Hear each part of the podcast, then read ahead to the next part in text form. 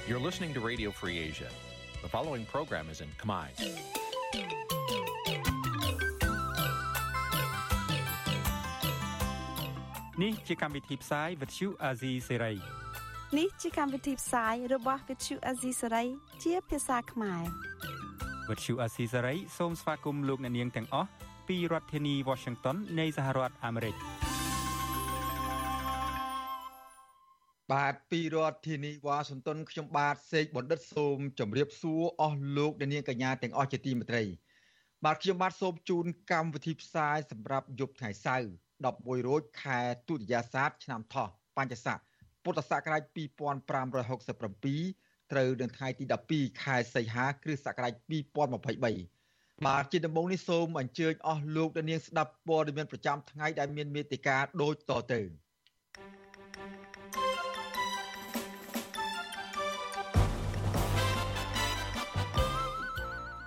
អ្នកវិភាគថារដ្ឋមន្ត្រីក្រសួងការបរទេសចិនមកទស្សនកិច្ចនៅកម្ពុជា ដើម្បីគាំទ្រលោកហ៊ុនម៉ាណែតអ្នកទូនយោបាយម្នាក់ធ្លាក់ខ្លួនឈឺក្នុងពន្ធនាគារព្រៃសរក្រមយុវជន ប្រារព្ធទិវាយុវជនអន្តរជាតិដើម្បីទាមទាររដ្ឋាភិបាល លើកកម្ពស់សិទ្ធិសេរីភាពបញ្ចេញមតិ តើគេដំណែលអ្វីខ្លះដែលលោកហ៊ុនសែននឹងបន្សល់ទុកឲ្យលោកហ៊ុនម៉ាណែតក្រៅតែពីតំណែងនាយករដ្ឋមន្ត្រីនោះរួមនឹងព័ត៌មានសំខាន់សំខាន់មួយចំនួនទៀតបាទជាបន្តទៅទៀតនេះខ្ញុំបាទសេកបណ្ឌិតសូមជូនព័ត៌មានពិស្ដាបាទលោកនាងកញ្ញាជាទីមេត្រី អ្នកខ្លំមើលស្ថានភាពនយោបាយនៅកម្ពុជាព្រួយបារម្ភថា ប្រទេសចិន អាចនឹងជ្រៀតជ្រែកចូលកិច្ចការផ្ទៃក្នុងកម្ពុជាត្បិតប្រទេសមួយនេះ ជាខ្នងបង្អែកធំរបស់រដ្ឋាភិបាលលហ៊ុនសែននិងបានគ្រប់គ្រងជាបន្តបន្ទាប់ក្នុងការផ្ទេរអំណាចតពូជរបស់លោកហ៊ុនសែនបាទការព្រួយបារម្ភនេះធ្វើឡើងបន្ទាប់ពីរដ្ឋមន្ត្រីការបរទេសចិន លោកវ៉ាងយីបានធ្វើដំណើរមកដល់កម្ពុជានៅរសៀលថ្ងៃទី12ខែសីហាដើម្បីបំពេញទស្សនកិច្ចផ្លូវការក្នុងគោលបំណងពង្រឹងកិច្ចសហប្រតិបត្តិការនៃភាព ជាដៃគូយុទ្ធសាស្ត្រគ្រប់ជ្រុងជ្រោយកិច្ចសហប្រតិបត្តិការសហ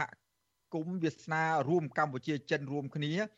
និងការលើកកម្ពស់ក្របខ័ណ្ឌកិច្ចសហប្រតិបត្តិការត្បូងពេជ្រដែលមានជាអាចការគ្រប់គ្រងនយោបាយការទូតដល់គ្នាទៅវិញទៅមក ស្ថានភាពផលិតកម្មកសិកម្មធម្មពល និងវិស័យសន្តិសុខជាដើមបាទក្នុងដំណើរទស្សនកិច្ចនេះលោកវ៉ាងយីនឹងមានជំនួបទ្វេភាគីជាមួយលោកហ៊ុនសែន និងកូនប្រុសច្បងរបស់លោក ដែលត្រៀមឡើងធ្វើជានាយករដ្ឋមន្ត្រី គឺលោកហ៊ុនម៉ាណែតសេចក្តីប្រកាសព័ត៌មានរបស់ក្រសួងការបរទេសកម្ពុជា បង្ហាញថាកិច្ចពិភាក្សានឹងផ្ដោតលើបញ្ហាមួយចំនួនពាក់ព័ន្ធនឹងកិច្ចសហប្រតិបត្តិការទ្វេភាគី និងពហុភាគី ដែលឆ្លុះបញ្ចាំងអំពីវិស័យជាអាទិភាពរួមមានក្រៅពីនេះប្រមុខការទូតចិនរូបនេះនឹងមានជំនួបដាច់ដライមួយទៀត ជាមួយនឹងរដ្ឋមន្ត្រីការបរទេសកម្ពុជាលោកប្រាក់សុខុននិងរដ្ឋមន្ត្រីប្រតិភូអមនាយករដ្ឋមន្ត្រី និងជាឯកអគ្គនិងជាអគ្គលេខាធិការនៃក្រមប្រឹក្សាអភិវឌ្ឍកម្ពុជា លោកសុកចិន្តាសោភាដែលត្រៀមឡើងកាន់តួនាទីជារដ្ឋមន្ត្រីក្រសួងការបរទេសជំនួសលោកប្រាក់សុខុនបាទជំនួបនេះនឹងគ្របដណ្ដប់លើទស្សនវិជ្ជាចម្រុះនៃកិច្ចសហប្រតិបត្តិការក្នុងក្របខ័ណ្ឌទ្វេភាគី និងពហុភាគី ដែលជាផលប្រយោជន៍ទៅវិញទៅមកនៃប្រទេសទាំងពីរនេះ បាទជុំវិញរឿងនេះដែរអតីតតំណាងរាជគណៈបកសង្គ្រោះជាតិលោកអ៊ុំសំអាន លើកឡើងថារដ្ឋមន្ត្រីការបរទេសចិន មកទស្សនកិច្ចនៅកម្ពុជា នៅពេលនេះគឺនៅក្នុងពេលដែលលោកហ៊ុនម៉ាណែតដឹកនាំកម្ពុជាបែបនេះគឺជាការរឹតចំណងមិត្តភាព និងបង្ហាញការជឿជាក់ទុកចិត្តគ្នា ក្នុងការគាំទ្រនយោបាយដឹកនាំប្រទេសបែបផ្ដាច់ការឲ្យគ្នាទៅវិញទៅមក បាទម្យ៉ាងវិញទៀតលោកថាភៀកគីចិនមកកម្ពុជានាពេលនេះបង្ហាញថាចិននឹងនៅតែបន្តជួយដល់រដ្ឋាភិបាលលហ៊ុនម៉ាណែតតាមរយៈការផ្ដល់កម្ចីឥណទានដើម្បីទប់ទល់នឹងទណ្ឌកម្មអន្តរជាតិលោកអ៊ុំសមានមានប្រសាសន៍ទៀតថាដំណើរទស្សនកិច្ចរបស់ភៀកគីចិនមកកម្ពុជានៅពេលនេះកម្ពុជានឹងមិនទទួលបានផលចំណេញជាដុំកំភួននោះឡើយ កម្ពុជានៅពេលដែលមានចិនជាខ្នងបង្អែកប្រកាសជាកាន់អំណាចផ្ដាច់ការថែមទៀតហើយនឹងរំលោភសិទ្ធិមនុស្សធ្វើទុកបុកម្នេញបន្ថែមទៀតទៅលើសកម្មជនបពប្រឆាំងហើយនឹងបំបិតសិទ្ធិសេរីភាពរបស់ប្រជាពលរដ្ឋនៅពេលគាត់មានទុកកង្វល់ចង់តវ៉ាអីជាដើមមួយទៀតកម្ពុជាកាន់តែដើរហុងកាន់តែជ្រៅទៅរបបផ្ដាច់ការតពូជនៅកម្ពុជា ដែលมันអាចងាកក្រោយបានទៅរកផ្លូវប្រជាធិបតេយ្យនិងការគោរពសិទ្ធិមនុស្សឡើងវិញដោយសារមានចិនជាខ្នងបង្អែកហើយមិនបាច់ពឹងលោកខាងលិចក៏បានដែរហ្នឹងអញ្ចឹងឯងបាទការបោះឆ្នោតថ្នាក់ជាតិនៅកម្ពុជាកាលពីចុងខែកក្កដាត្រូវបានសហគមន៍អន្តរជាតិដែលនិយមរបបលទ្ធិប្រជាធិបតេយ្យភាគីជាច្រើនថ្កោលទោសនិងមើលឃើញថាគ្មានយុត្តិធម៌ហើយមានតែបណ្ដោយឲ្យប្រទេសនិយមកុម្មុយនីសជាពិសេសប្រទេសចិន បានប្រកាសពេញចិត្តពេញថ្លើមថាការបោះឆ្នោតនៅកម្ពុជា ប្រព្រឹត្តទៅដោយរលូន និងប្រកបដោយយុត្តិធម៌លើពីនេះ ក្រោយការបោះឆ្នោតលោកហ៊ុនសែនក៏បានប្រាប់ក្រុមមេដឹកនាំចិនឲ្យជឿទុកចិត្តក្នុងការដែលកម្ពុជា នៅតែមិនផ្លាស់ប្ដូរគោលនយោបាយនៅជាមួយចិន ក្រោយពីលោកផ្ទេរតំណែងនាយករដ្ឋមន្ត្រីឲ្យទៅកូនប្រុសរបស់លោកដឹកនាំកម្ពុជាបន្តនោះបាទកម្ពុជាជាន់បាទមន្ត្រីជាន់ខ្ពស់គណៈបកសង្គ្រោះជាតិលោកអ៊ុំសំអានរិះគន់ថា នៅពេលរដ្ឋាភិបាលកម្ពុជាបន្តលំអៀងទៅរកប្រទេសចិនកាន់តែខ្លាំងនោះលទ្ធិ សិទ្ធិសេរីភាពបញ្ចេញមតិរបស់ប្រជាពលរដ្ឋនិងក្រមអ្នករិះគន់កាន់តែរួមតូចព្រមទាំងទទួលរងការបង្ក្រាបពីក្រមមេដឹកនាំដែលនិយមរបបផ្ដាច់ការមិនដែលនិយមតែដែលនិយមរបបផ្ដាច់ការនោះបាទមិនតែប៉ុណ្ណោះកម្ពុជាក៏អាចទទួលរងទណ្ឌកម្មបន្ថែមទៀតពីសហគមន៍អន្តរជាតិដែលធ្វើឲ្យខាត់បងសេដ្ឋកិច្ចជាតិ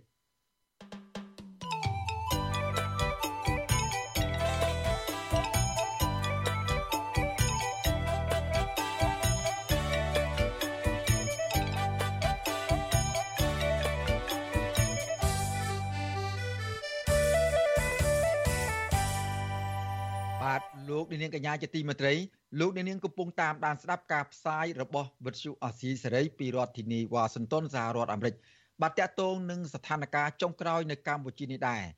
បាទលោកហ៊ុនសែន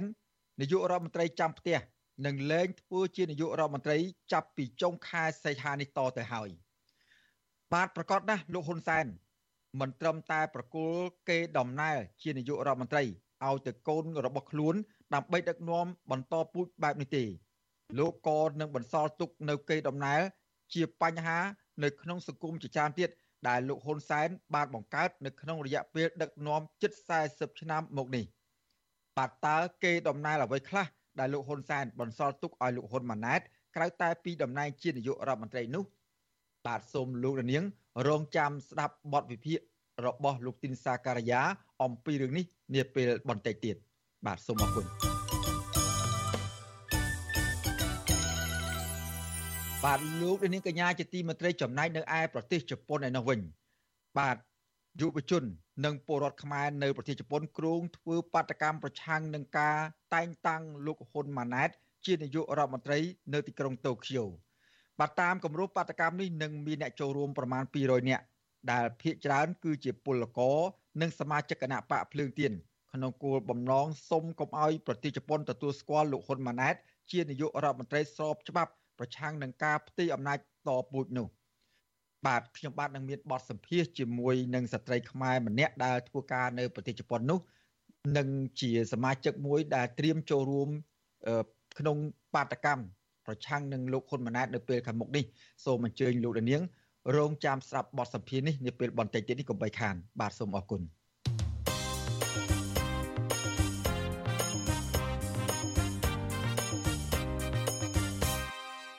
បាទលោកនាងកញ្ញាជាទីមេត្រីឥឡូវនេះយើងងាកមកមើលស្ថានភាពការគោរពសិទ្ធិមនុស្សនិងការបញ្ចេញមតិនៅកម្ពុជាវិញម្ដង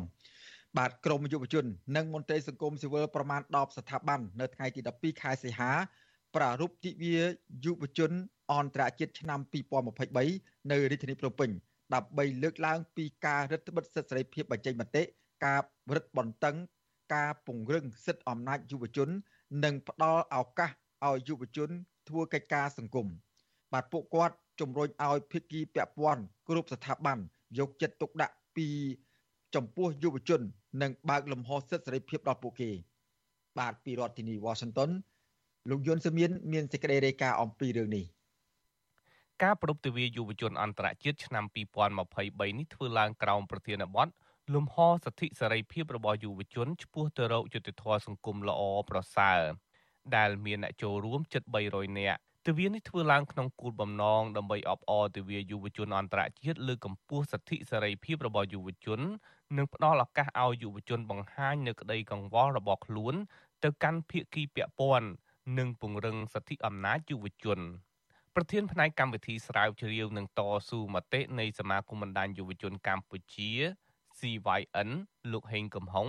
ប្រាប់វិទ្យុអស៊ីសេរីនៅថ្ងៃទី12សីហាថា ការរៀបចំទិវាយុវជននេះគឺចង់ឲ្យយុវជនសិក្សាស្វែងយល់ពីសិទ្ធិនិងបង្ហាញកង្វល់របស់គេទៅកាន់ភាគីពាក់ព័ន្ធលោកសោកស្ដាយដែលស្ថាប័នពាក់ព័ន្ធមិនបានចូលរួមតាមការគ្រោងទុកជាពិសេស មានការឃ្លាំមើលពីជនស៊ីវិលមួយចំនួនផងដែរ។ ភាពបញ្ចេញមតិគឺជាសំខាន់យើងឃើញថាសេរីភាពបញ្ចេញមតិគឺជាចំណុចមួយដែលធ្វើឲ្យប្រជាពលរដ្ឋមានសម្លេងក្នុងសង្គមសម្លេងដែលចេញពីចិត្តក្នុងនាមជាម្ចាស់ប្រទេសសម្លេងក្នុងនាមជាពលរដ្ឋម្នាក់នៅក្នុងសង្គមជាធិបតេយ្យជាសម្លេងនៃការរដ្ឋបတ်ក៏មិនមែនជាការនិយាយដោយព្រួយបារម្ភប៉ុន្តែណាមនុស្សគ្រប់គ្នាមានសេរីភាពបញ្ចេញមតិពួកគេអាចធ្វើនីតិសំខាន់ក្នុងការផ្ដល់ភាពចូលក្នុងការអភិវឌ្ឍជីវសង្គមរបស់ពួកគេក្នុងការផ្ដល់អើជាសំណពរទៅដល់ភាគីពាក់ព័ន្ធ នៅក្នុងទិវានេះក្រមយុវជនបែងចែកកម្មវិធីកិច្ចពិភាក្សាសួរដេញដោលជា4ក្រុមគឺក្រុមទី1ជជែកអំពីបញ្ហាសិទ្ធិសេរីភាព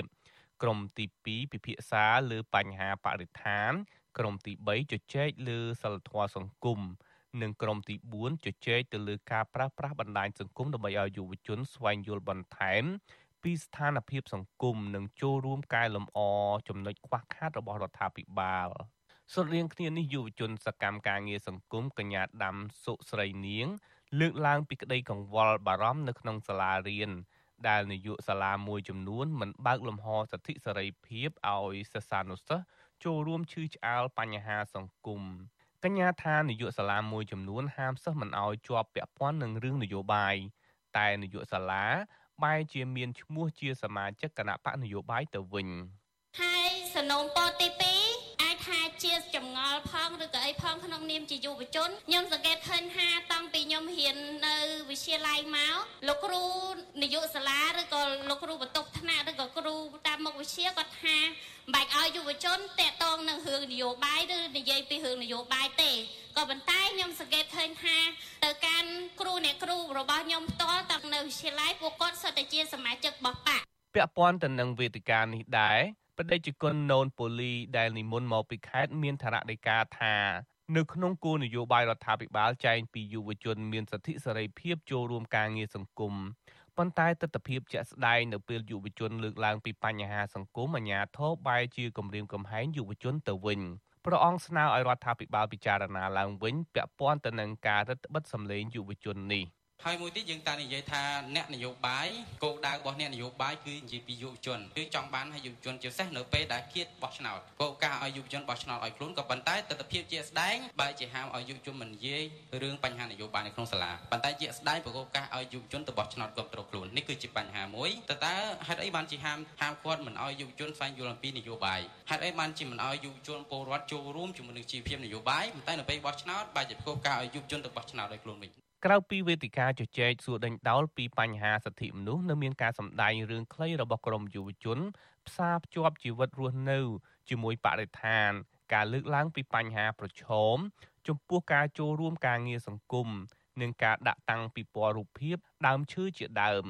ជាងនេះទៅទៀតបន្ទាប់ពីចប់កម្មវិធីយុវជនអន្តរជាតិអង្គការសង្គមស៊ីវិលប្រមាណ10ស្ថាប័នរួមមានអង្គការសម្ព័ន្ធនិស្សិតបញ្ញវន្តខ្មែរ សមាគមបណ្ដាញយុវជនកម្ពុជា អង្គការកម្មវិធីអភិវឌ្ឍធនធានមនុស្សនិងអង្គការសមត្ថៈកម្ពុជា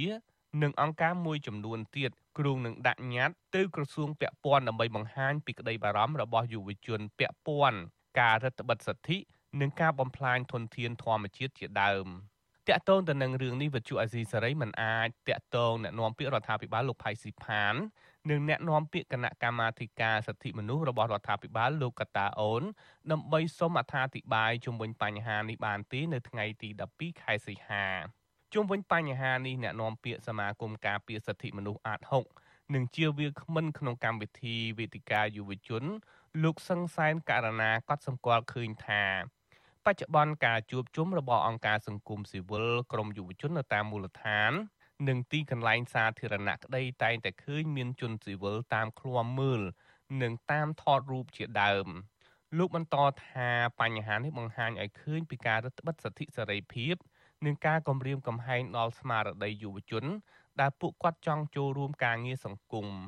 ឆ្នាំទី7ហើយខែ9នេះយើងនឹងចេញរបាយការណ៍ឆ្នាំទី7រួមគ្នាមួយទៀតអញ្ចឹងយើងមិនឃើញមានភាពស្រាក់ស្រានអំពីការរដ្ឋបិទសេរីភាពទាំងអស់នេះទេសេរីភាពមូលដ្ឋានគឺមាន3សេរីភាពក្នុងការជួបជុំអញ្ចឹងដោយមិនមានការរដ្ឋបិទមិនមានការគម្រាមកំហែងហើយសេរីភាពទី2គឺពាក់ព័ន្ធទៅនឹងការបញ្ចេញមតិទាំងការតែងនិពន្ធចម្រៀងការផ្សព្វផ្សាយផ្សេងផ្សេងជាទស្សនាវដ្តីវិទ្យុអីជាដើមអញ្ចឹងទៅ សេរីភាពទាំងអស់នេះដែលយើងពិនិត្យមើលរងការរដ្ឋបិទរងការគម្រាមកំហែងនានារបាយការណ៍របស់សមាគមការពារសិទ្ធិមនុស្សអាត6ផ្សាយនៅថ្ងៃទី27ខែឧសភាបង្ហាញថាក្នុងរយៈពេល12ខែ ក្នុងឆ្នាំ2020មានការរំលោភសិទ្ធិមនុស្សជិត1000ករណីដែលមានជនរងគ្រោះជាង100,000នាក់ក្នុងករណីភាគច្រើនគឺករណីចំនួនដីធ្លី មានជាង80% និងមានជនរងគ្រោះជិត40000នាក់រួមទាំងករណីគំរាមកំហែងសកម្មភាពនយោបាយការរឹតបន្តឹងសិទ្ធិសេរីភាពជួបជុំសិទ្ធិសេរីភាពបាតកម្មនិងករណីរដ្ឋបិទសេរីភាពមូលដ្ឋានរបស់ពលរដ្ឋជាដើមក្រមយុវជននិងមន្ត្រីអង្គការសង្គមស៊ីវិលជំរុញដល់ភាគីពាក់ព័ន្ធគ្រប់ស្ថាប័នគួរតែបើកលំហសិទ្ធិសេរីភាពពង្រឹងការអនុវត្តច្បាប់ និងទទួលយកមតិយោបល់រិះគន់ដើម្បីកែលម្អចំណុចខ្វះខាត ខ្ញុំយុនសាមៀនវិទ្យុអាស៊ីសេរីប្រធានាធិបតី Washington បាទលោកនាងកញ្ញាជាទីមេត្រីក្រៅពីបញ្ហាសិទ្ធិសេរីភាពបញ្ចេញមតិក្រមយុវជនក៏យល់ឃើញថា ការផ្ទីអំណាចពីឪពុកពីឪពុកម្ដាយទៅកូនកូនរបស់ពួកគេឲ្យគ្រប់គ្រងស្ថាប័នកម្ពុជាកម្ពុជារបស់ជាតិមិនត្រឹមតែបង្ហាញពីអសមត្ថភាពរបស់អ្នកបន្តតំណែងតែប៉ុណ្ណោះទេប៉ុន្តែក៏ធ្វើឲ្យគណៈរដ្ឋមន្ត្រីបន្តវេនពីឪពុកម្ដាយ ទាំងនោះរងភាពអាម៉ាស់ផងដែរបាទទោះយ៉ាងណាក្រមយុវជន នៅតែមានក្តីសង្ឃឹមថាគណៈរដ្ឋមន្ត្រីថ្មីដែលរៀបចំដោយការផ្ទេរអំណាចគ្រួសារជាប្រព័ន្ធនេះនឹងអាចនាំមកនៅការអវិវត្តវិជ្ជមានប្រសាទប្រសិទ្ធបើរដ្ឋាភិបាលថ្មីអាចលុបបំបាត់អំពើពុករលួយបានជាប្រព័ន្ធនោះបាទលោកលាននឹងបានស្ដាប់សេចក្តីរាយការណ៍ពិស្ដារអំពីរឿងនេះនាពេលបន្តិចទៀត។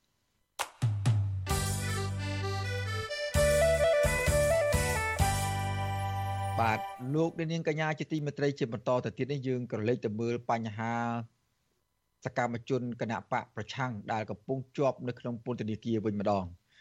បាទប្រពន្ធសកម្មជនគណៈបកប្រឆាំងឲ្យដឹងថាលោកវឿងសំណាង មានបញ្ហាឈឺចុកចាប់ក្បាលធ្ងន់ធ្ងរនិងធ្វើទុកជំងឺប្រចាំកាយជាច្រើនមុខផ្សេងទៀតនៅក្នុងពន្ធនាគារដែលទាមទារឲ្យមានការព្យាបាលនៅមន្ទីរពេទ្យជំនាញនៅខាងក្រៅពន្ធនាគារ បាទមន្ត្រីសិទ្ធិមនុស្សជំរុញដល់អាជ្ញាធរពន្ធនាគារឲ្យយកចិត្តទុកដាក់លើបញ្ហាសុខភាព អ្នកជាប់ឃុំនិងជួយអន្តរាគមន៍ឲ្យពួកគាត់ទទួលបានការពិនិត្យព្យាបាលជំងឺដោយគ្មានការរើសអើងបាទសូមស្ដាប់សេចក្តីរាយការណ៍របស់អ្នកស្រីម៉ៅសុធីនីអំពីរឿងនេះពីរដ្ឋធានីវ៉ាស៊ីនតោន មួយរយៈពេលចុងក្រោយនេះលោកវឿងសំណាងដែលកំពុងជាប់ឃុំក្នុងពន្ធនាគារឈឺចាប់ក្បាលត្រង់ស្នាមរបួសចាស់ដែលអាជ្ញាធរបានវាយកាលពី10ឆ្នាំមុនចានេះបើតាមការអះអាងរបស់ប្រពន្ធលោកវឿងសំណាង គឺលោកស្រីទៀងចិន្តា លោកស្រីប្រាប់វិទ្យុស៊ីស្រីថាការនៅមានត្រីភាពប្តីលោកស្រីតែងតែបានព្យាបាលរបួសពីគ្រូពេទ្យជំនាញជាប្រចាំក៏ប៉ុន្តែក្រោយពេលដែលជាប់ឃុំជិត2ឆ្នាំមកនេះគាត់ខកខានទទួលបានការពិនិត្យតាមដានជំងឺហើយគប់សំបរិយាកាសក្នុងបន្ទប់ឃុំឃាំងចង្អៀតណែនថែមទៀតទើបធ្វើឲ្យជំងឺប្តីរបស់លោកស្រីធ្វើទុកលោកស្រីឲ្យដឹងថារយៈពេលមួយសប្តាហ៍ចុងក្រោយនេះ របួសក្បាលប្តីរបស់លោកស្រី មានអាការៈកាន់តែធ្ងន់ធ្ងរបណ្ដាលឲ្យគាត់ឈឺចាប់បាយមិនបាន គេងមិនលក់ខណៈដែលប្តីលោកស្រីមានជំងឺប្រចាំកាយដូចជាជំងឺលើឈាម និងជំងឺរលាកសន្លាក់ជាដើមលោកស្រីអះអាងថាគ្រូពេទ្យក្នុងពន្ធនាគារមានតែថ្នាំប៉ារ៉ាសេតាមុលតែមិនព្រមបញ្ជូនចេញ ទៅព្យាបាលនៅខាងក្រៅនោះទេ គឺថាគាត់សុខភាពគាត់ទ្រុឌទ្រោមខ្លាំងឈឺឈឺដល់ថ្នាំអង្គុយមួយអង្គុយនិយាយហ្នឹងនិយាយអត់បានយូរទេគាត់ថាគាត់អត់ស្រួលខ្លួនខ្លាំងហើយចិត្តបែកញើសក្បាលក្តៅទាវស្រាញអីចឹងណាបងហើយដល់ពេលចឹងទៅខ្ញុំបារម្ភដោយសារពេលយើងនៅខាងក្រៅយើងអាចទៅរកពេទ្យបានណាពេទ្យទៅក្នុងហ្នឹងអត់មានពេទ្យអត់មានថ្នាំមកតកើអីគ្រប់គ្រាន់ចឹងខ្ញុំខ្ញុំបារម្ភពីសុខភាពរបស់គាត់ដឹងថាធ្វើទុកខ្លាំងជាងនឹងឬក៏អាចប៉ះពាល់ដល់អាយុជីវិតគាត់ទៀតក៏ខ្ញុំអត់ដឹងខ្ញុំបារម្ភចឹង វិទ្យុអសីស្រីមិនអាចតាក់ទងแนะនាំពាក្យអគ្គនាយកដ្ឋានពន្ធនាគារនៃក្រសួងមហាផ្ទៃលោកនុតសាវណ្ណាដើម្បីសាកសួរអំពីរឿងនេះបានទេនៅថ្ងៃទី12ខែសីហាកន្លងមកសកម្មជនប្រជាប្រដ្ឋនិងអង្គការផ្នែកសិទ្ធិមនុស្សមួយចំនួនធ្លាប់បានរិះគន់អាជ្ញាធរក្រុងភ្នំពេញ ជុំវិញការអនុវត្តស្តង់ដារ2ចំពោះអ្នកជាប់ឃុំដែលក្រីក្រនិងអ្នកមានលុយមានអំណាចអ្នកជាប់ឃុំក្រីក្រនិងអ្នកទោសមនសិការមិនងាយទទួលបានការអនុញ្ញាតឲ្យទៅសម្រាប់ព្យាបាលនៅមន្ទីរពេទ្យខាងក្រៅនោះឡើយទោះបីជាពួកគេមានជំងឺធ្ងន់ធ្ងរឬក៏ស្នើសុំច្រើនដងបែបណាក្តីក៏ប៉ុន្តែផ្ទុយទៅវិញអ្នកជាប់ឃុំខ្លះ ដែលជាអក្រិតជន មានលុយឬមានអំណាចអាចទទួលបានការអនុញ្ញាតឲ្យទៅសម្រាប់ព្យាបាលរយៈពេលវែងនៅឯមន្ទីរពេទ្យខាងក្រៅពន្ធនាគារជុំវិញរឿងនេះអ្នកនាំពាក្យសមាគមការពារសិទ្ធិមនុស្សអាត់ហុកលោកសង្សានករណាថាជនជាប់ឃុំ មានសិទ្ធិទទួលបានសេវាសុខភាពដែលអាជ្ញាធរជាអ្នកទទួលខុសត្រូវ លោកយល់ឃើញថាបើសិនគ្រូពេទ្យក្នុងពន្ធនាគារពុំមានលទ្ធភាពព្យាបាលជំងឺនោះទេអាជ្ញាធរពន្ធនាគារគួរតែស្នើសុំតុលាការអនុញ្ញាតឲ្យលោកវឿងសំណាងបានទៅពិនិត្យព្យាបាលនៅមន្ទីរពេទ្យខាងក្រៅដើម្បីកុំឲ្យគ្រោះថ្នាក់ដល់ជីវិតឬក៏ប៉ះពាល់សុខភាពរបស់ជនជាប់ឃុំក្រោយពេលមានសេរីភាព សិនជាទៅដល់ក្នុងពន្ធនាគារហើយខ្វះការយកចិត្តទុកដាក់ថែរក្សាសុខភាពអីទាំងអស់នេះថាតើវាស័ក្តិសមទៅនឹងអ្វីដែលជាគោលការណ៍ក្នុងការអនុវត្តរបស់ខាងពន្ធនាគារឬយ៉ាងណាអានេះគឺជាចំណុចដែលយើងចង់ឲ្យមានការកែប្រែកុំឲ្យមានបញ្ហាទាំងអស់ហ្នឹងចេះតែកើតឡើងដដែលដដែលហើយដោយមានភ្ជាប់ទៅនឹងនិន្នាការហើយការរើសអើងដោយមិនមិនគោរពទៅតាមបទដ្ឋាននៃសិទ្ធិមនុស្សអីជាដើម លោកវឿងសំណាងមានអាយុ41ឆ្នាំ ជាអ្នកនយោបាយថ្នាក់មូលដ្ឋានដ៏សកម្មនិងស្មោះត្រង់ចំពោះចន្ទៈម្ចាស់ឆ្នោត កាលពីឆ្នាំ2013លោកវឿងសំណាង ដែលពេលនោះជាប្រសង់បានចូលរួមធ្វើបដកម្មទាមទារដំឡើងប្រាក់ឈ្នួលកម្មកររោងចក្រហើយនៅពេលនោះលោកវឿងសំណាង រួមទាំងកម្មករផ្សេងទៀតត្រូវបានកងទ័ពឆាត់យងវាបង្ក្រាបស្ទើរតែស្លាប់បាត់បង់ជីវិត បានបន្សល់ទុកថ្នាំរបួសនិងការឈឺចាប់រហូតមកដល់សប្តាហ៍ថ្ងៃ។ នៅឆ្នាំ2017លោកវឿងសំណាងបានជាប់ឆ្នោតជាចៅសង្កាត់រងទី2របស់គណៈបកសង្គ្រោះជាតិនៅរាជធានីភ្នំពេញរដ្ឋាភិបាលលោកហ៊ុនសែនបានរំលាយគណៈបកសង្គ្រោះជាតិលោកវឿងសំណាងក៏បានបង្ខំចិត្តរត់ភៀសខ្លួនទៅប្រទេសថៃដើម្បីកិច្ចខ្លួនពីការបង្ខំឲ្យចូលរួមជាមួយគណៈបកកាន់អំណាច 4ឆ្នាំក្រោយមកសមត្ថកិច្ចកម្ពុជាក៏បានសហការជាមួយអាជ្ញាធរថៃចាប់បញ្ជូនសកម្មជនគណបកសង្គ្រោះជាតិរូបនេះពីប្រទេសថៃយកមកឃុំខ្លួននៅពន្ធនាគារនៅប្រទេសកម្ពុជា កាលពីថ្ងៃទី9ខែតុលាឆ្នាំ2021សាលាដំបងរាជធានីភ្នំពេញ កាលពីខែធ្នូឆ្នាំ2022បានផ្តន្ទាទោសលោកវឿងសំណាងព្រមទាំងសកម្មជន និងថ្នាក់ដឹកនាំគណៈបពប្រឆាំងចំនួន37នាក់ដាក់ពន្ធនាគារក្នុងម្នាក់ម្នាក់ចន្លោះពី5ឆ្នាំទៅ7ឆ្នាំ ពីបទរួមកំណត់ក្បត់ពាក់ព័ន្ធនឹងរឿងគម្រោងការ Virtual ស្រុកវិញ របស់ថ្នាក់ដឹកនាំគណៈបកសង្គ្រោះជាតិកាលពីខែមករាឆ្នាំ2021សំណុំរឿងនេះសហគមន៍ជាតិនិងអន្តរជាតិបានចាត់ទុកថាជារឿងនយោបាយ លោកស្រីទៀងចន្ទាស្នើដល់អាជ្ញាធរពាក់ព័ន្ធជួយអន្តរាគមន៍ឲ្យប្តីលោកស្រីបានចេញទៅព្យាបាលជំងឺនៅឯមន្ទីរពេទ្យជំនាញខាងក្រៅអទាន់ពេលវេលា ដើម្បីកុំឲ្យស្ថានភាពជំងឺវិវត្តធ្ងន់ធ្ងរលោកស្រីក៏ស្នើដល់រដ្ឋាភិបាលឲ្យដោះលែងប្តីមានសេរីភាពឡើងវិញ ពីព្រោះការឃុំឃាំងប្តីរបស់លោកស្រីដែលគ្មានកំហុសឲ្យរងទុក្ខវេទនាបាច់បាក់គ្រួសារអស់រយៈពេលជាង1ឆ្នាំមកនេះគឺជាការដាក់ទណ្ឌកម្មផ្លូវចិត្តដ៏ឈឺចាប់ សម្រាប់អ្នកស្នេហាជាតិចាននាងខ្ញុំម៉ៅសុធានីវិទ្យុអាស៊ីស្រី ប្រធានាធិបតី Washington បាទលោកនាងកញ្ញាជាទីមេត្រីលោកនាយករដ្ឋមន្ត្រីហ៊ុនសែនចាំជានាយករដ្ឋមន្ត្រីចាំផ្ទះ នឹងលែងធ្វើជានាយករដ្ឋមន្ត្រីចាប់ពីចុងខែសីហានេះតទៅហើយបាទប្រកាសណាស់លោកហ៊ុនសែនមិនត្រឹមតែប្រគល់គេតំណែងគេដំណើរជានាយករដ្ឋមន្ត្រីឲ្យទៅកូនរបស់ខ្លួនដើម្បីដឹកនាំតពូជបែបនោះទេលោកក៏នឹងបន្សល់ទុកនៅគេដំណើរជាបញ្ហាក្នុងសង្គមជាច្រើនទៀតដែលលោកហ៊ុនសែនបានបង្កើតនៅក្នុងរយៈពេលដឹកនាំប្រទេសជិត40ឆ្នាំកន្លងមកនេះ តើគេដំណើរអ្វីខ្លះដែលលោកហ៊ុនសែនបន្សល់ទុកឲ្យលោកហ៊ុនម៉ាណែតក្រៅតែពីតំណែងជានាយករដ្ឋមន្ត្រីនោះបាទសូមលោកនាងរងចាំស្ដាប់បទវិភាគរបស់លោកទីនសាការីយ៉ាអំពីរឿងនេះនាពេលបន្តិចទៀត។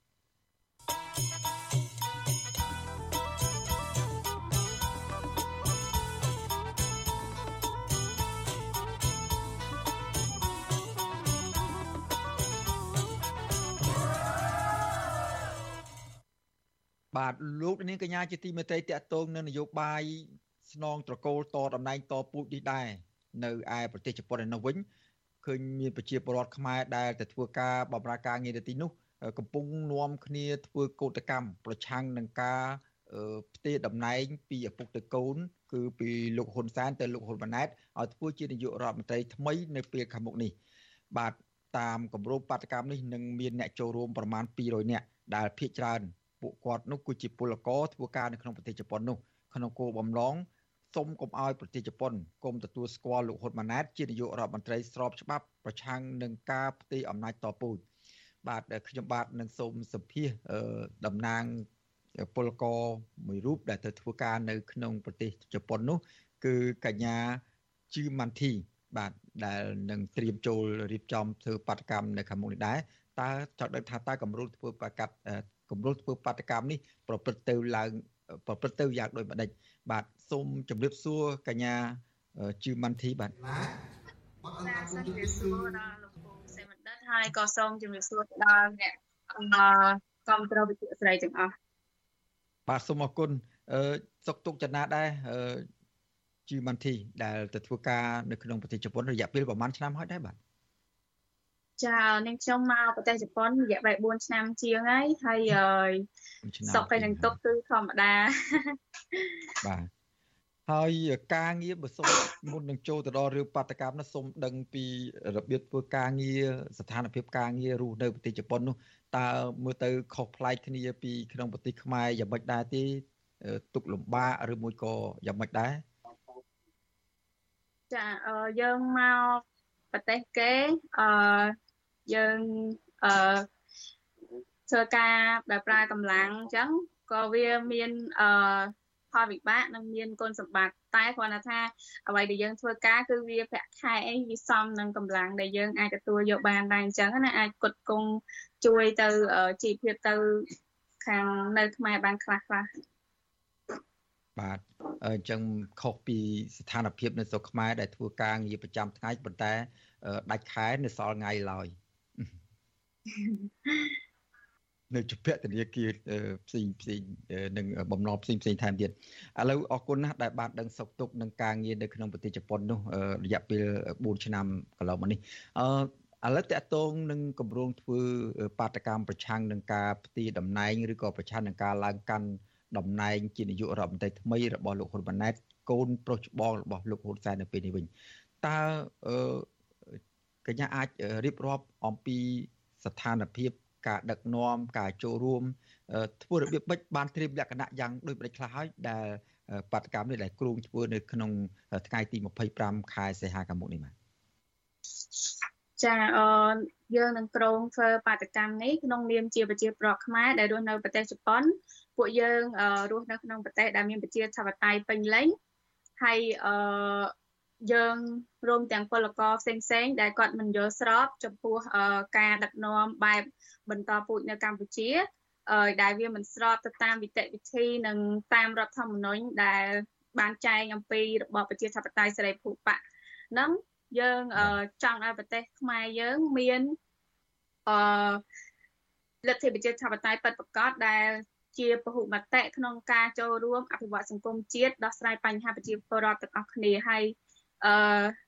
ចាខ្ញុំសូមកែត្រង់ចំណុចថាជាសមាជិកគណៈបកភ្លឹងទៀនអីចឹងខ្ញុំពួកខ្ញុំធ្វើក្នុងនាមជាប្រជាពលរដ្ឋខ្មែររស់នៅប្រទេសជប៉ុននិងជានឹងការចូលរួមពីពលករដែលរស់នៅប្រទេសជប៉ុនចា៎បាទអញ្ចឹងសូមបញ្ជាក់ឡើងវិញការគម្រោងធ្វើបាតកម្មនៅថ្ងៃទី25ខាងមុខនេះគឺធ្វើឡើងដោយក្រមយុវជនប្រជាពលរដ្ឋដែលជាពលករទៅធ្វើការងារនៅក្នុងប្រទេសជប៉ុននោះដោយពុំមានការចូលរួមពីគណៈបក សកម្មជនឬក៏អ្នកគ្រប់គ្រងគណៈបកភ្លើងទីនោះទេចាហ្នឹងហើយអឺហើយដោយសារតែពួកយើងធ្លាប់អឺឪពុកខ្ញុំធ្លាប់ជាអ្នកនយោបាយអឺពីមុនមកដូចជាគណៈបកសង្គ្រោះជាតិដែលរំលាយកាលពីឆ្នាំ2017ហ្នឹងហើយយើងក៏មានយើងក្នុងនាមយើងជាប្រជាពលរដ្ឋខ្មែរពលរដ្ឋសកម្មយើងនៅតែមានការទៀមទាតស៊ូមតិសិទ្ធិសេរីភាពអឺបន្តទៅមុខដើម្បីកុំឲ្យរបបផ្ដាច់ការកាន់តែអឺ បន្តទៅមុខចា៎បាទអូសរុបទៅកញ្ញាជឺម៉ាន់ធីនក៏មានសាច់ឈាមជាអ្នកតស៊ូ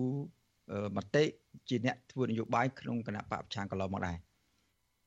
អឺនិយាយទៅឪពុកឪពុកខ្ញុំជាអ្នកធ្វើប៉ុន្តែអឺឥឡូវឥឡូវគាត់មិនធ្វើអីទៀតទេប៉ុន្តែខ្ញុំនៅតែមើលឃើញអំពីបញ្ហាសង្គមខ្ញុំអ្នកតាមដានព្រឹត្តិការណ៍សង្គមខ្ញុំនៅតែមានឃើញអំពី ចន្លោះខ្វះខាតនិងភាពអយុត្តិធម៌ដូចជាការកាត់ចាត់សកម្មជននយោបាយផ្សេងផ្សេងជាដើមបាទអរគុណឥឡូវនិយាយពីរឿងការជួបជុំធ្វើបាតកម្មនេះវិញតាមដំណឹងមកថាមាន គ្នាប្រមាណជា200នាក់ចូលរួមដែរអឺទីមិនអឺ កញ្ញាអាចរៀបរាប់បានទេថាតើអាចបញ្ជាក់បានទេថាតើការជួបជុំគ្នានេះធ្វើនៅក្នុងទីក្រុងតូក្យូនេះជួបជុំគ្នានៅតាណាហើយនឹងមានការដើរក្បួនយ៉ាងម៉េចហើយដើរពីណាទៅតាណាទេអាចរៀបរាប់ពីសកម្មភាពដែលគ្រូនឹងធ្វើនៅថ្ងៃទី25ហ្នឹងឲ្យលោកអ្នកស្ដាប់បានដឹងហើយអ្នកចូលរួមដែលមានបំណងចង់ចូលរួមនឹងអាចងាយស្រួលនឹងទៅចូលរួមផងបាទចាអឺយើងការធ្វើបាតកម្មហ្នឹងយើងនឹងដើររយៈពេលប្រហែលជា20នាទីអឺ អឺនៅសួនអ៊ឺណូហើយអឺយើងធ្វើបាតកម្មនេះយើងមានបដាក្នុងការទៀមទាអឺទី1ប្រឆាំងដាច់ខាតក្នុងការផ្ទេរអំណាចអឺតពូជនៅកម្ពុជា ទី2មិនទទួលស្គាល់លោកហ៊ុនម៉ាណែតដែលជានាយករដ្ឋមន្ត្រី ដែលកើតឡើងអំពីការបោះឆ្នោតបង្ក្រប់កិច្ចនាពេលខែកក្កដាឆ្នាំ2023កន្លងទៅនេះហើយទី4ទី3គឺសំណុំពរឲ្យរដ្ឋាភិបាលជប៉ុន មិនទទួលស្គាល់អឺរបបក្រមគ្រួសារលោកហ៊ុនសែនដែលជា របបរដ្ឋាភិបាលខុសច្បាប់ហើយអឺអឺយើងនៅតែទៀមទានឹងការធ្វើយើងនឹងធ្វើការថ្លែងសន្ទរកថាអីទៀតបាទអរគុណទោះបីយ៉ាងណាក៏ដោយចុះបើសិនជា នៅពេលខាងមុខនេះគ្មានការកែប្រែទេលោកហ៊ុនម៉ាណែតកូនប្រុសច្បងលោក នាយករដ្ឋមន្ត្រីហ៊ុនសែននឹងឡើងកាន់តំណែងជានាយករដ្ឋមន្ត្រីថ្មីក្នុងអាណត្តិទី7នេះដឹកនាំប្រទេសកម្ពុជាបន្តតកូលហ៊ុនបន្តទៅទៀតបាទទោះយ៉ាងណាហើយចង់មិនចង់នៅពេលខាងមុខនេះលោកនាយកលោកហ៊ុនម៉ាណែតជានាយករដ្ឋមន្ត្រីបន្តពូជជានាយករដ្ឋមន្ត្រីស្នងតកូលជានាយករដ្ឋមន្ត្រីលើកបន្ទប់តពូជអីក៏ដោយចុះក៏គាត់នៅតែមានឱកាសដឹកនាំប្រទេសកម្ពុជាដដែល អឺបើសិនជាគ្មានអ្វីកែប្រែនោះតើកញ្ញាផ្ទាល់និងពលករផ្សេងទៀតអ្នកធ្វើការនៅក្នុងប្រទេសជប៉ុននិងពលរដ្ឋដទៃទៀតដែរដែលគ្រូចូលធ្វើរួមបដកម្មចូលរួមធ្វើបដកម្មនៅពេលខាងមុខនេះចង់ឲ្យឲ្យគាត់នោះធ្វើកិច្ចការអ្វីមុនគេនៅពេលដែលលោកឡើងកាត់តំណែងជានាយករដ្ឋមន្ត្រីបន្តពូជនោះបាទអឺចាក្នុងនាមខ្ញុំជាយុវជនអឺបើសិនជាគ្មានការកែប្រែអ្វីទេនាងខ្ញុំសូមឲ្យអឺ ការស្នងតំណែងឈាមថ្មីហ្នឹងទទួលស្គាល់អំពីភាពទន់ខ្សោយ អំពីកំសោយនៃភាពភាពដឹកនាំអឺដែលរដ្ឋាភិបាលមុនគាត់បានកាន់អស់រយៈពេលប្រហែលជា4ទសវត្សរ៍មកនេះអឺយើងសូមឲ្យបំបត្តិមុនគេនោះអឺគឺបញ្ហាអំពើពុករលួយ ពីព្រោះអំពើពុករលួយ គឺ ជាបញ្ហាមួយដែលអាចរាំងស្ទះដល់គ្រប់វិស័យទាំងអស់ដែលมันអាចដូចចម្រើនលូតលាស់នឹងការប្រើប្រាស់ធនធានឲ្យបានត្រឹមត្រូវសមស្របទៅតាមវិជ្ជាជីវៈរបស់យុវជននិងធនធានមនុស្សផ្សេងផ្សេងហើយ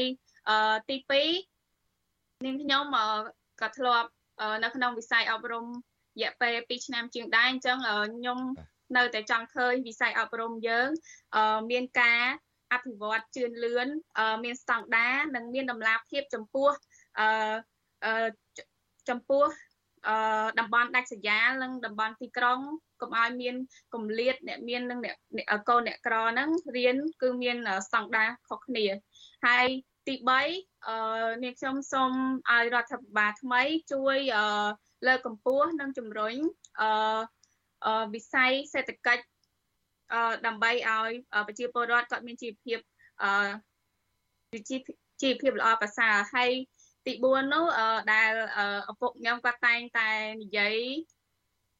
នឹងមានបញ្ហាព្រួយបារម្ភនោះគឺការជួលដី នៅតាមបន្ទាត់ព្រំដែននិងលំហូរជនអន្តោប្រវេសន៍ជាដើមចា៎បាទសូមអរគុណហើយបើសិនជាករណីថាការសំណុំពរការស្នើសុំរបស់អឺម៉ាន់ធីនេះមិន មិនបានជោគជ័យឬមួយក៏មិនសមបំណុលតាមពលករដែលធ្វើការនៅក្រៅប្រទេសប្រជាប្រដ្ឋទូទៅនេះតើពលករយុវជនរួមទាំងកញ្ញាផ្ទាល់គ្រូធ្វើអីទៀតចំពោះរដ្ឋាភិបាលថ្មីដែលនឹងលោកហ៊ុនម៉ាណែតចូលមកកាន់តំណែងនាពេលខាងមុខនេះបាទចាក្នុងនាមខ្ញុំជាយុវជនឬក៏នេះយើងទាំងអស់គ្នាគឺជាពលរដ្ឋសកម្មយើងយើងជាពលរដ្ឋដែលយើងនឹងលើក អឺដែលយើងនឹងបញ្ចេញអធិពលរបស់យើងក្នុងនាមជាយុវជន ដើម្បីឆ្លោះបញ្ចាំងទៅរដ្ឋរាជរដ្ឋាភិបាលក្នុងចន្លោះខ្វះខាតផ្សេងផ្សេងយើងនៅតែបន្តទៀមទាតស៊ូដើម្បីសិទ្ធិសេរីភាពរបស់យើងរហូតដល់មានការផ្លាស់ប្ដូរជីវិតជំនាញបាទសូមអរគុណកញ្ញាជឺម៉ាន់ធីដែលជាពលករធ្វើការងារនៅក្នុងប្រទេសជប៉ុនដែលមានរយៈពេលជាង4ឆ្នាំមកហើយហើយយើងនឹងបន្តតាមដានបន្តទៀត ចំពោះសកម្មភាពនិងគម្រោងធ្វើបាតកម្មដែលនឹងប្រព្រឹត្តទៅ នៅថ្ងៃទី25ខែសីហាខាងមុខនេះបាទសូមអរគុណជំរាបតែប៉ុណ្្នេះសិនបាទចាសូមអរគុណសូមជម្រាបលា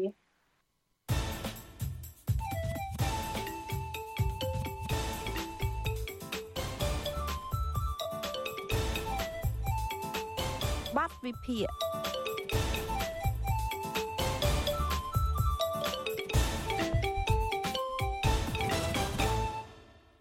បាទលោកនាងកញ្ញាជាទីមេត្រីលោកហ៊ុនសែននាយករដ្ឋមន្ត្រីចាំផ្ទះ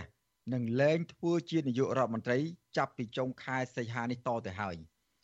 បាទប្រកាសណាស់លោកហ៊ុនសែនមិនត្រឹមតែប្រគល់គេជាតំណែងនាយករដ្ឋមន្ត្រីទៅឲ្យកូនប្រុសរបស់ខ្លួន ដើម្បីដឹកនាំបន្តពូជបែបនេះទេលោកក៏នឹងបន្សល់ទុកនៅគេដំណែលជាបញ្ហាក្នុងសង្គមជាច្រើនទៀត ដែលលោកហ៊ុនសែនបានបង្កើតក្នុងរយៈពេលដឹកនាំជិត40ឆ្នាំកន្លងមកនោះប៉ុន្តែគេដំណើរអ្វីខ្លះដែលលោកហ៊ុនសែនបន្សល់ទុកឲ្យលោកហ៊ុនម៉ាណែតក្រៅតែពីតំណែងជានាយករដ្ឋមន្ត្រីនោះ បាទសូមលោកលានាង ស្ដាប់បទវិភាគរបស់លោកទីនសាការីយ៉ាអំពីរឿងនេះដូចតទៅកូនប្រុសច្បងលហ៊ុនសែនគឺលហ៊ុនម៉ាណែតនឹងមានយាយអូនជាងគេក្នុងចំណោមបងប្អូននៃត្រកូលហ៊ុនទាំង5នាក់ លោកនឹងបានស៊ីគេជាតំណែងនាយករដ្ឋមន្ត្រីបន្តពីឪពុកលោក ចាប់ពីចុងខែសីហានេះតទៅលន់សានប្រកុលទូនទីជានាយករដ្ឋមន្ត្រីតពូជឲ្យហ៊ុនម៉ាណែតអាចមកពីលោកជាកូនដែលលោកហ៊ុនសែនទុកចិត្តជាងគេ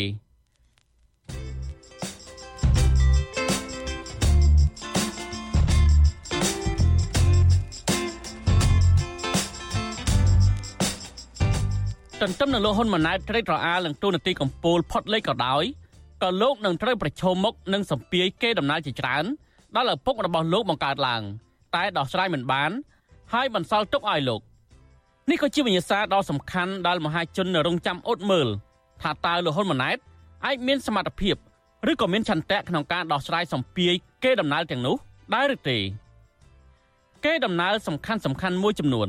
ដែលលោកហ៊ុនសែននឹងបន្សល់ទុកឲ្យកូនរបស់ខ្លួនមានដូចជា ការដែលលោកហ៊ុនសែនប្រើប្រាស់ប្រព័ន្ធតុលាការ ជាឧបករណ៍ការពារអំណាចនិងបកពួករបស់លោកដែលជាបច្ច័យចម្បងមួយក្នុងការធ្វើឲ្យមានរឿងអយុត្តិធម៌ជាច្រើននៅក្នុងសង្គម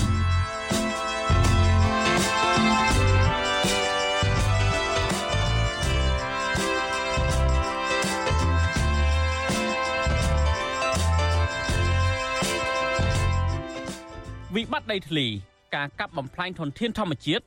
ការលុបបង្បួរការកាប់ព្រៃឈើ បញ្ហាសេដ្ឋកិច្ចអតិផរណាទំនិញនៅលើទីផ្សារសពសារពើឡើងថ្លៃ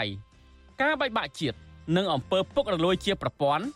ចាក់ឫសយ៉ាងជ្រៅនៅក្នុងរបបដឹកនាំរបស់លោកហ៊ុនសែនឡា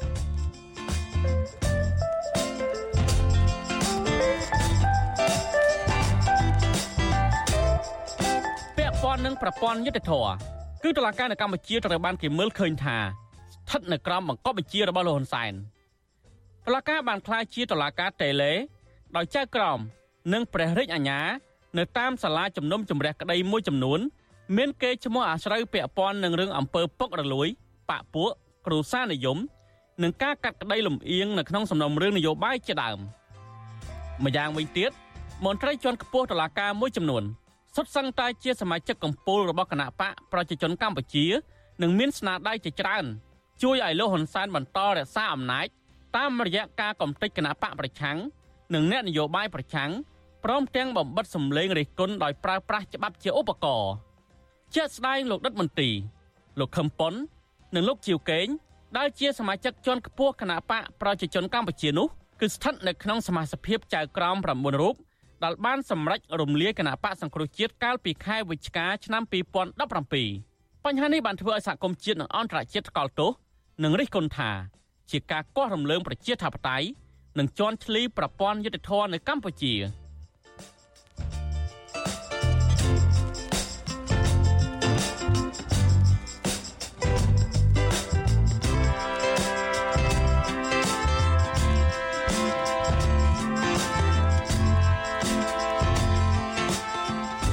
ពីតុលាការបានផ្លាយជាឧបករណ៍ផ្ដាច់មុខរបស់លោកហ៊ុនសែន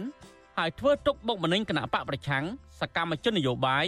និងអ្នករិះគន់រដ្ឋាភិបាលនោះតុលាការនេះក៏បង្កើតអំពើអយុត្តិធម៌ជាច្រើនទៀតដល់ប្រជាពលរដ្ឋក្នុងនោះរួមមានរឿងចំនួនដីធ្លីដូចជាសហគមន៍ដីធ្លីនៅខេត្តកោះកុងប្រលានយន្តហោះថ្មីខេត្តកណ្ដាលនៅគៀកនឹងផ្ទះលោកហ៊ុនសែននិងករណីបរដ្ឋរងគ្រោះដីធ្លីនៅតំបន់បឹងតមោកក្នុងរាជធានីភ្នំពេញជាដើមករណីចំនួនដីធ្លីទាំងនេះម្ចាស់ក្រុមហ៊ុនប៉ាក់ពួកលោកហ៊ុនសែនបានកាន់កាប់ដីរីឯម្ចាស់ដីជាប់គុកទៅវិញ កាលពីឆ្នាំ2022 អង្គការគម្រោងយុទ្ធធម៌ពិភពលោកបានចេញរបាយការណ៍មួយស្ដីពីសន្ទុះនៃការគោរពនីតិរដ្ឋដោយបានដាក់ចំណាត់ថ្នាក់ប្រទេសកម្ពុជា នៅជិតបាតតារាងគឺជាប់លេខ139ក្នុងចំណោម140ប្រទេសដែលមានកេរ្តិ៍ឈ្មោះអាសោចខាងមិនគោរពសិទ្ធិមនុស្សនិងរំលោភប្រព័ន្ធនីតិរដ្ឋចំណាត់ថ្នាក់បាតតារាងនេះ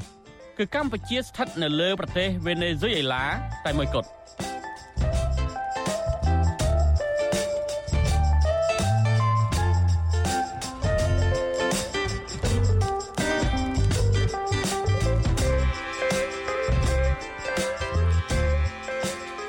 ដំណើរមួយទៀតដែលលោកហ៊ុនម៉ាណែតនឹងប្រឈមខ្លាំងដែរនោះគឺ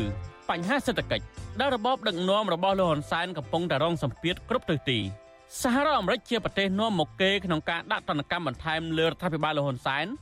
គឺអាមេរិកបានដកជំនួយ18លានដុល្លារនិងបង្កកវីសាមន្ត្រីដែលរួមដៃជាមួយលហ៊ុនសែនដែលបំផ្លាញប្រជាធិបតេយ្យទណ្ឌកម្មនេះធ្វើឡើងភ្លាមភ្លាមក្រោយពីការរៀបចំការបោះឆ្នោតคล้ายៗកាលពីថ្ងៃទី23កក្កដាឆ្នាំ2023 ក្រៅពីនេះប្រព័ន្ធអនុគ្រោះពន្ធ GSP របស់អាមេរិកបានបង្កកតាំងពីឆ្នាំ2020មកទល់ពេលនេះក៏អាមេរិកមិនទាន់បន្តឲ្យកម្ពុជាវិញដែរ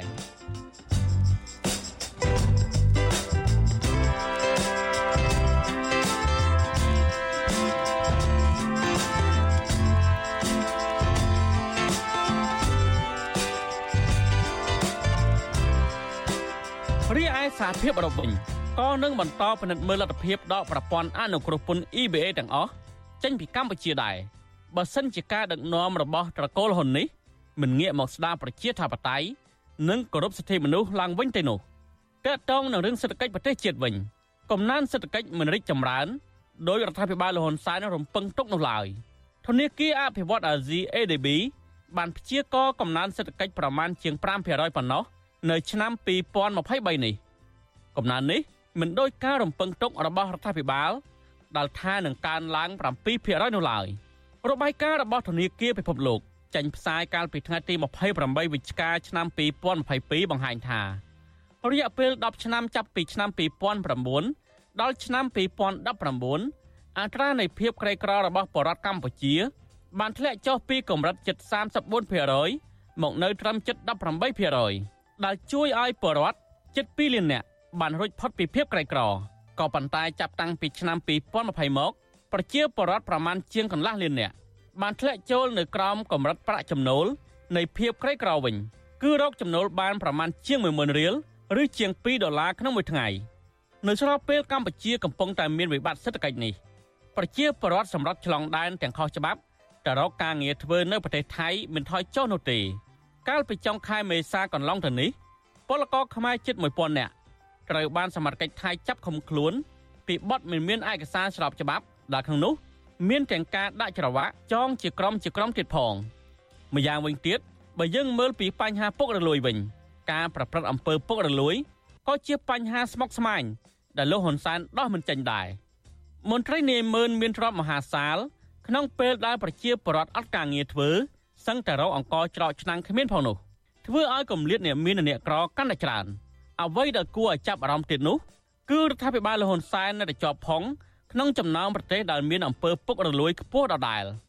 លទ្ធផលសន្ទុះរបស់អង្គការដំឡាភិបអន្តរជាតិសម្រាប់ឆ្នាំ2022បង្ហាញថា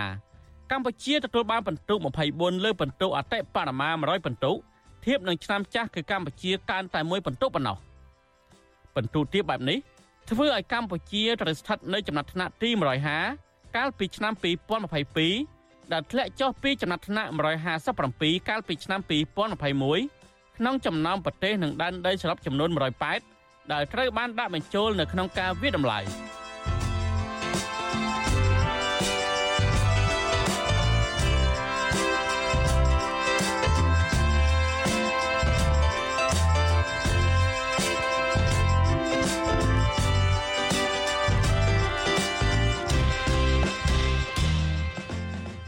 ក្រៅពីនេះនៅមានគេដំណើរដ៏ធំមួយទៀត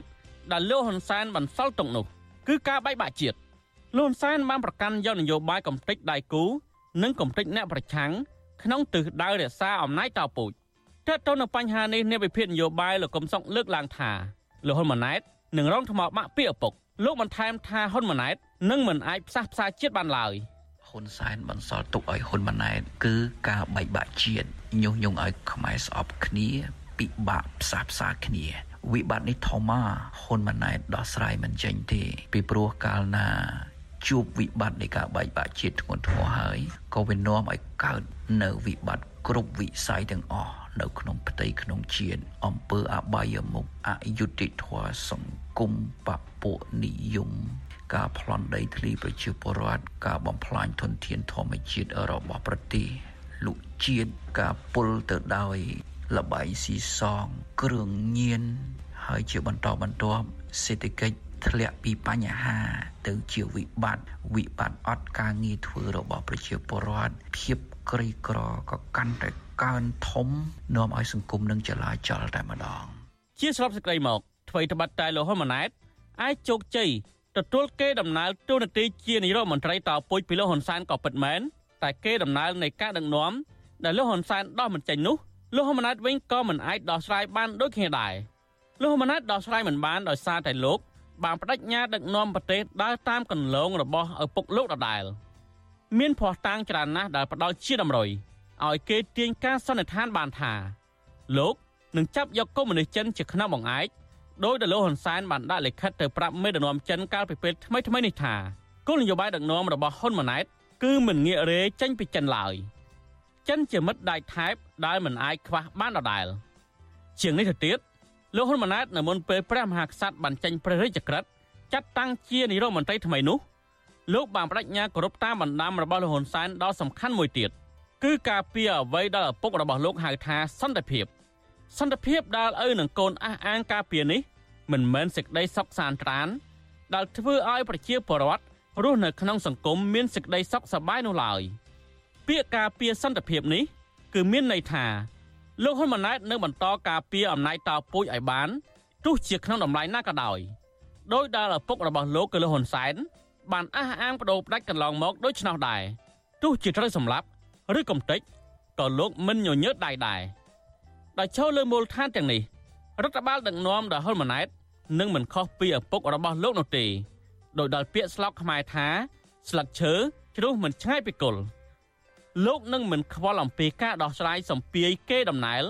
ដែលឪពុករបស់លោក បន្សល់ទុកឲ្យប្រជាពលរដ្ឋរងទុក្ខលំបាកនិងសង្គមជាតិបែកបាក់ហិនហោចនោះទេអ្វីដែលលោកហ៊ុនម៉ាណែតនឹងខ្វល់នោះ តាមមើលទៅ មិនខុសពីឪពុករបស់លោកនោះឡើយគឺខ្វល់តែការពារអំណាចតពូជដោយយកពាក្យសន្តិភាពមកបាត់បង់ឬឆ្ពិនភ្នែកសហគមន៍ជាតិនិងអន្តរជាតិតែប៉ុណ្ណោះខ្ញុំបាទទីនសាការីយ៉ាអស៊ីសេរី ពីរដ្ឋធានី Washington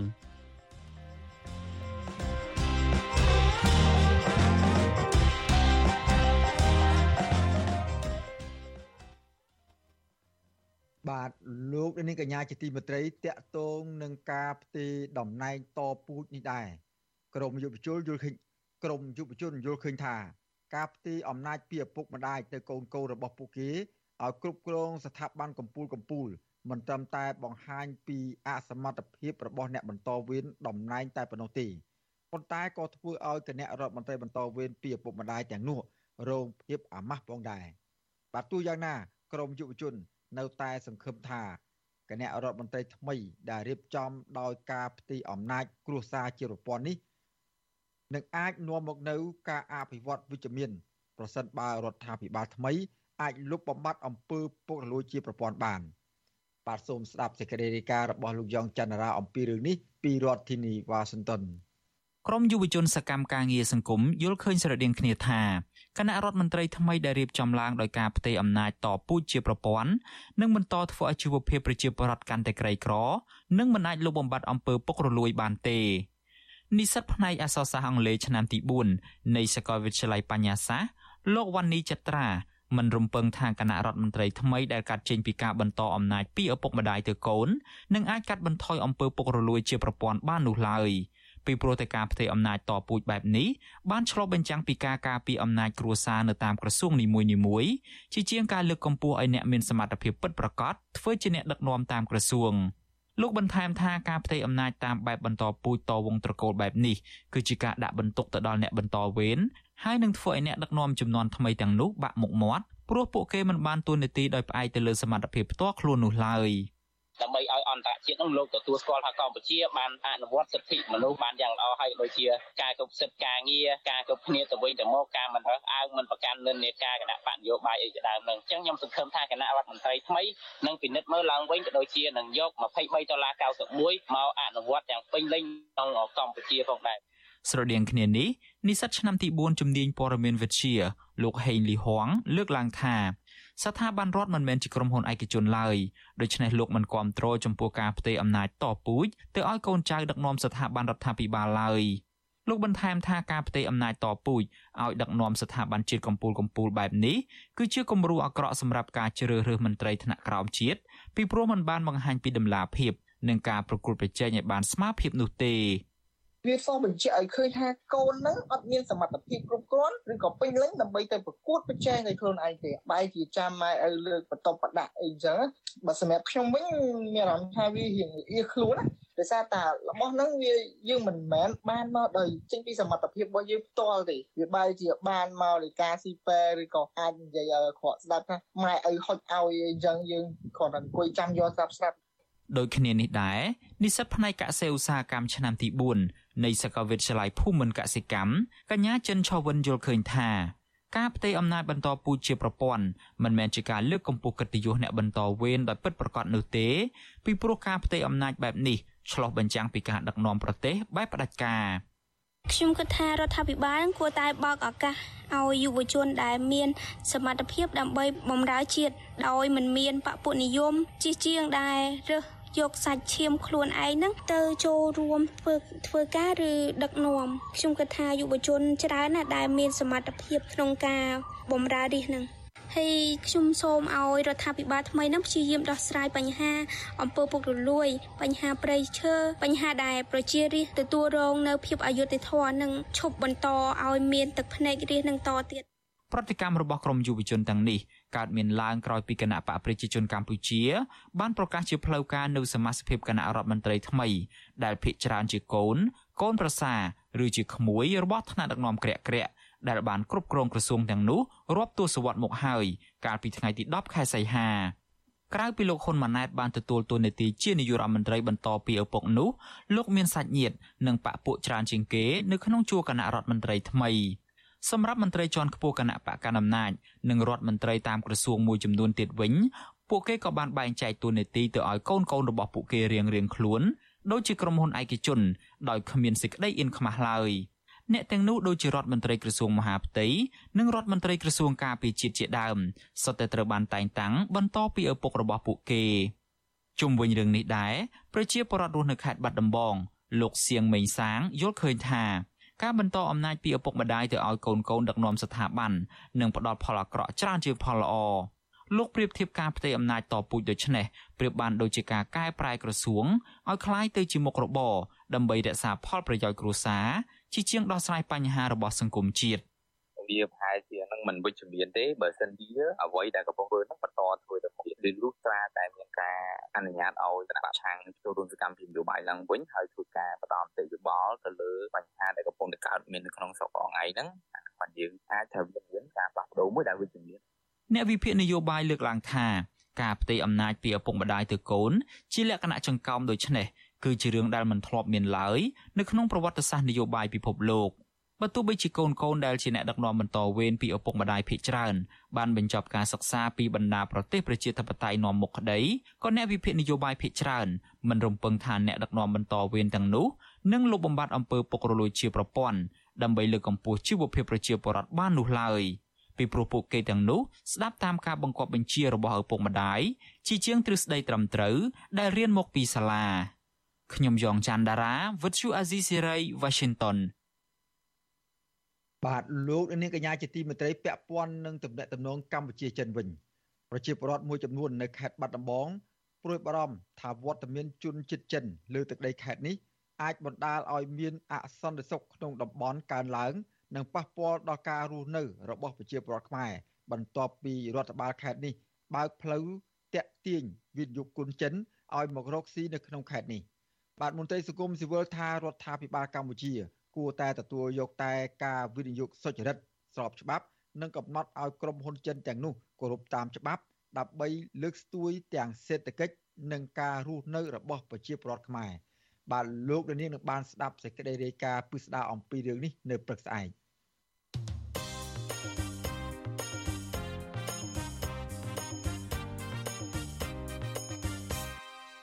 បាទចំពោះសេចក្តីរាយការណ៍ពាក់ព័ន្ធនឹងខ្មែរកម្ពុជាក្រោមវិញ សហព័ន្ធខ្មែរកម្ពុជាក្រោមនឹងធ្វើមហាសន្និបាតជុំវិញពិភពលោកដើម្បីទាមទារឲ្យរដ្ឋាភិបាលប្រទេសវៀតណាមដោះលែងសកម្មជនសិទ្ធិមនុស្សខ្មែរក្រោមចំនួន4នាក់ដែលកំពុងជាប់ពន្ធនាគារមហាបាតកម្មនេះនឹងធ្វើឡើងជាបន្តបន្ទាប់នៅតាមប្រទេសប្រជាធិបតេយ្យនានាដូចជាសហរដ្ឋអាមេរិកនិងសហភាពនិងសហគមន៍អឺរ៉ុបជាដើមការរៀបចំធ្វើបាតកម្មនេះក្រោយពីអាញាធរវៀតណាម បានឃាត់ខ្លួនសកម្មជនសិទ្ធិមនុស្សខ្មែរក្រោមចំនួន4នាក់កាលពីថ្ងៃទី31ខែកក្កដាក្រោមបទចោទកេងចំណេញលើសិទ្ធិសេរីភាព និងលទ្ធិប្រជាធិបតេយ្យបំពានលើផលប្រយោជន៍របស់ពលរដ្ឋបំពានលើផលប្រយោជន៍របស់រដ្ឋនិងសិទ្ធិសេរីភាពស្របច្បាប់នៃអង្គការចាត់តាំងនិងបុគ្គលរបស់ប្រទេសវៀតណាមអនុប្រធានទី2សហព័ន្ធខ្មែរកម្ពុជាក្រោមនៅប្រទេសអ៊ីតាលីលោកត្រានសារ៉ុង ប្រាប់វិទ្យុអស៊ីសេរីនៅថ្ងៃទី12សីហាថាលោកសោកស្ដាយនិងមិនអាចទទួលយកបាននោះទេចំពោះអាញាធរកុម្មុយនីសវៀតណាមដែលបានឃាត់ខ្លួនសកម្មជនខ្មែរក្រោមចំនួន4នាក់ក្រោយពីពួកគេផ្សព្វផ្សាយអំពីសិទ្ធិជនជាតិដើមលោកបញ្ជាក់ថាគោលបំណងនៃមហាបដកម្មនេះគឺដើម្បីបង្ហាញឲ្យសាធារណជនបានឃើញអំពីអ្វីដែលអាញាធរកុម្មុយនីសវៀតណាមបានធ្វើមកលើសកម្មជនសិទ្ធិមនុស្សខ្មែរក្រោម និងទាមទារឲ្យអាជ្ញាធរវៀតណាមដោះលែងសកម្មជនខ្មែរក្រមទាំង4នាក់នោះឲ្យមានសេរីភាពមកវិញបាទលោកក្រាន់អាហានថាបាតកម្មនេះនឹងធ្វើឡើងដោយភ្លៀងរលឹមគឺធ្វើជាបន្តបន្ទាប់នៅជុំវិញពិភពលោកដើម្បីបង្ហាញឲ្យអន្តរជាតិឃើញពីការជិះជាន់សិទ្ធិសេរីភាពរបស់ជនជាតិដើម អាញាធរវៀតណាមបានចាប់ខ្លួននិងគំរាមកំហែងសកម្មជនសិទ្ធិមនុស្សខ្មែរក្រមចំនួន9នាក់កាលពីថ្ងៃទី31ខែកក្កដាក្រោមការចោទប្រកាន់ពីបទកេងចំណេញលើសិទ្ធិសេរីភាពនិងលទ្ធិប្រជាធិបតេយ្យបំពានលើផលប្រយោជន៍រដ្ឋនិងសិទ្ធិសេរីភាពស្របច្បាប់នៃអង្គការចាត់តាំងនិងបុគ្គលតាមមាត្រា331នៃក្រមព្រំដែនរបស់ប្រទេសវៀតណាមបាទលោកនាងកញ្ញាជាទីមេត្រី ការផ្សាយរបស់វិទ្យុអសីស្រីសម្រាប់ព្រាត្រីថ្ងៃសៅរ៍នេះបានឈានដល់ទីបញ្ចប់ហើយខ្ញុំបាទសេកបណ្ឌិតព្រមទាំងក្រុមការងារទាំងអស់របស់វិទ្យុអសីសេរីសូមអរគុណនិងសូមជម្រាបលា បាទរាត្រីសួស្តី thank you